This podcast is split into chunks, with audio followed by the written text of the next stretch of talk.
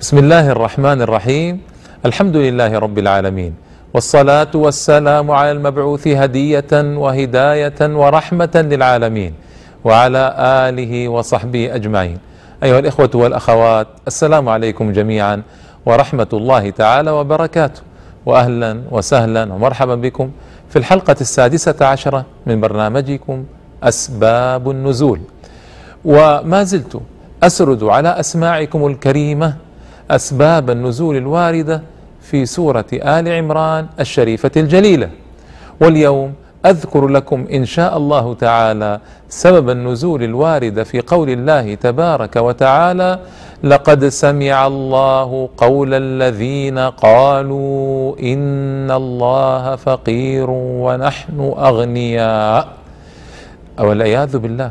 يقولون هذا القول العظيم. نسأل الله السلامة. كيف يمكن لبشر حقير بالغا مهما بلغ أن يقول إن الله فقير ونحن أغنياء؟ لكنه من قول اليهود عليهم لعائن الله المتتابعة إلى يوم القيامة. فإن أبا بكر رضي الله تبارك وتعالى عنه دخل يوما بيت المدراس وبيت المدراس هو البيت الذي يتدارس فيه اليهود التوراة المحرفة والعياذ بالله. فاجتمع اليهود على رجل منهم يقال له فنحاس.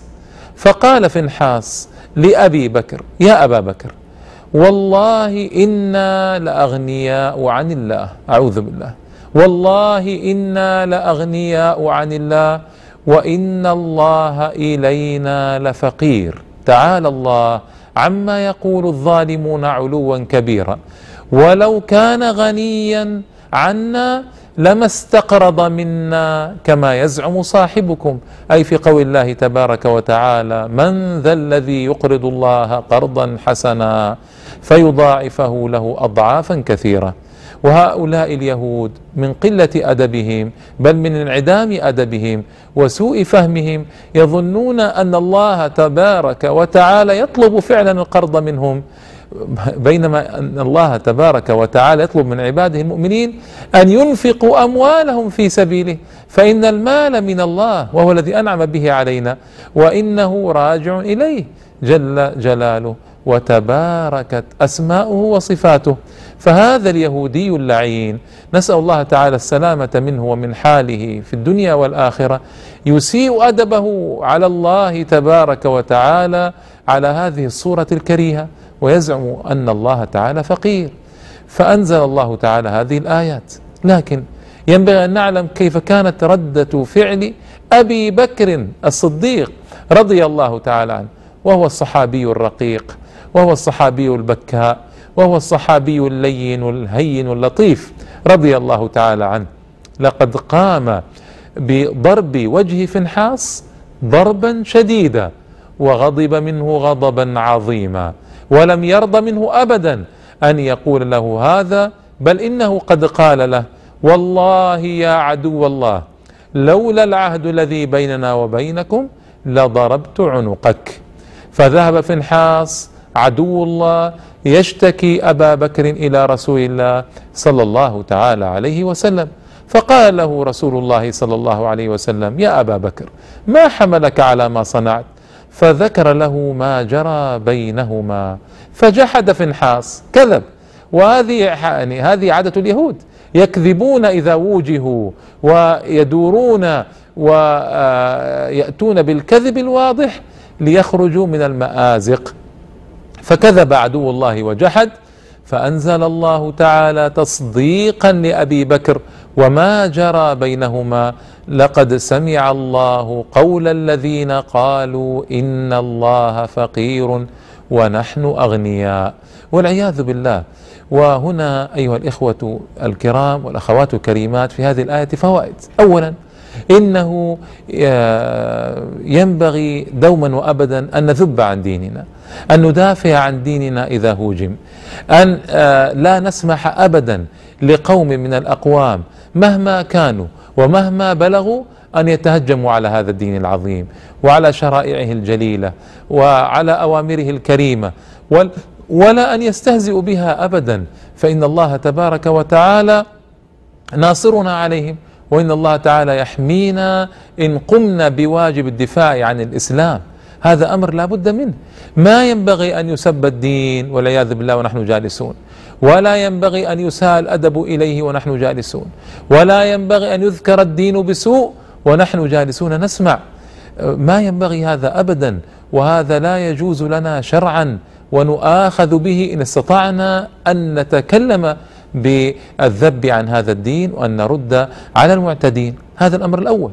الأمر الثاني المهم فضيلة الأمر بالمعروف والنهي عن المنكر والشجاعة فيه والقوة في إظهاره. فإن أبا بكر رضي الله تعالى عنه على أنه رجل رقيق بكاء لين هين لطيف مشهور باللين رضي الله تعالى عنه لكنه قد انقلبت تلك الصفات إلى غضب لله ورسوله صلى الله عليه وسلم وإلى أن يصبح اسدا من أسود الله آه الذين لا يرضون ابدا بالإهانة لهذا الدين. هذا الذي ينبغي عليه أن نكون أن نكون شجعانا في الحق أن نظهر الحق ولا نخاف. مما نخاف أيها الإخوة. ليس في ديننا شيء نخجل منه وليس في ديننا شيء نستحي منه ولله الحمد بل ينبغي أن نكون شجعانا في الحق. شجعانا في الأمر بالمعروف والنهي عن المنكر أقوياء في هذا. وذلك أن النبي صلى الله تعالى عليه وسلم يقول في حديث واضح صريح من رأى منكم منكرا فليغيره بيده فمن لم يستطع فبلسانه فمن لم يستطع فبقلبه وذلك أضعف الإيمان. هنا أبو بكر رضي الله تعالى عنه غير بيده وبلسانه وبقلبه. كل تلك الثلاثة مجتمعة غير بها أبو بكر رضي الله تعالى عنه لأنه يستطيع ذلك. وهذا الذي ينبغي على المؤمن ينبغي إذا رأى منكرا أن يسارع بتغييره ألا يخنع وألا يذل وألا يخضع. وذلك يا الإخوة والأخوات أن هذا الدين العظيم قائم على هذه الفضيلة. فضيلة الأمر بالمعروف والنهي عن المنكر. يقول النبي صلى الله عليه وسلم والذي نفسي بيده لتأمرن بالمعروف ولتنهون عن المنكر ولتأخذن على يد الظالم ولتأطرنه على الحق أطرا أي لتجبرنه على الحق إجبارا أو ليوشكن الله أن يعمكم بعقاب. نسأل الله السلامة والعافية. فترك الأمر بالمعروف والنهي عن المنكر مؤد إلى العقاب الرباني الإلهي وهذه قضية خطيرة لا مجال للتنازل عنها. والمجتمع الصالح هو المجتمع الذي يكثر فيه الأمر بالمعروف والنهي عن المنكر. وبلادنا ولله الحمد خصت بمزية جليلة ومنقبة عظيمة لا لا أعلم بلدا إسلاميا وجد فيه ما وجد في هذا هذا البلد الكريم المعطاء بلد الوحي من آه وجود هيئات كثيرة للامر بالمعروف والنهي عن المنكر فروع منتشرة في ربوع هذا البلد.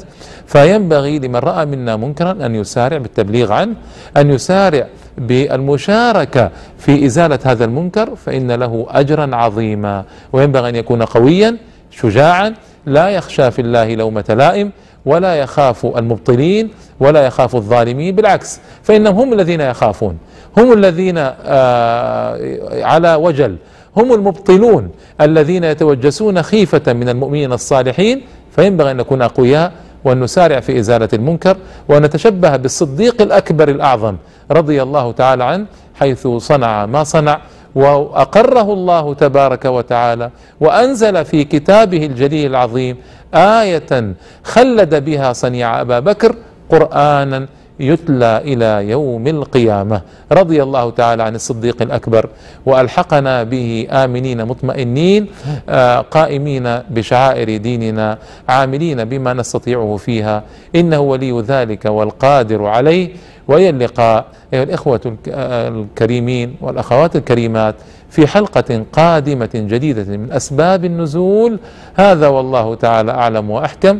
وصل اللهم وسلم وبارك على نبينا محمد وآله وصحبه أجمعين. والسلام عليكم ورحمة الله تعالى وبركاته.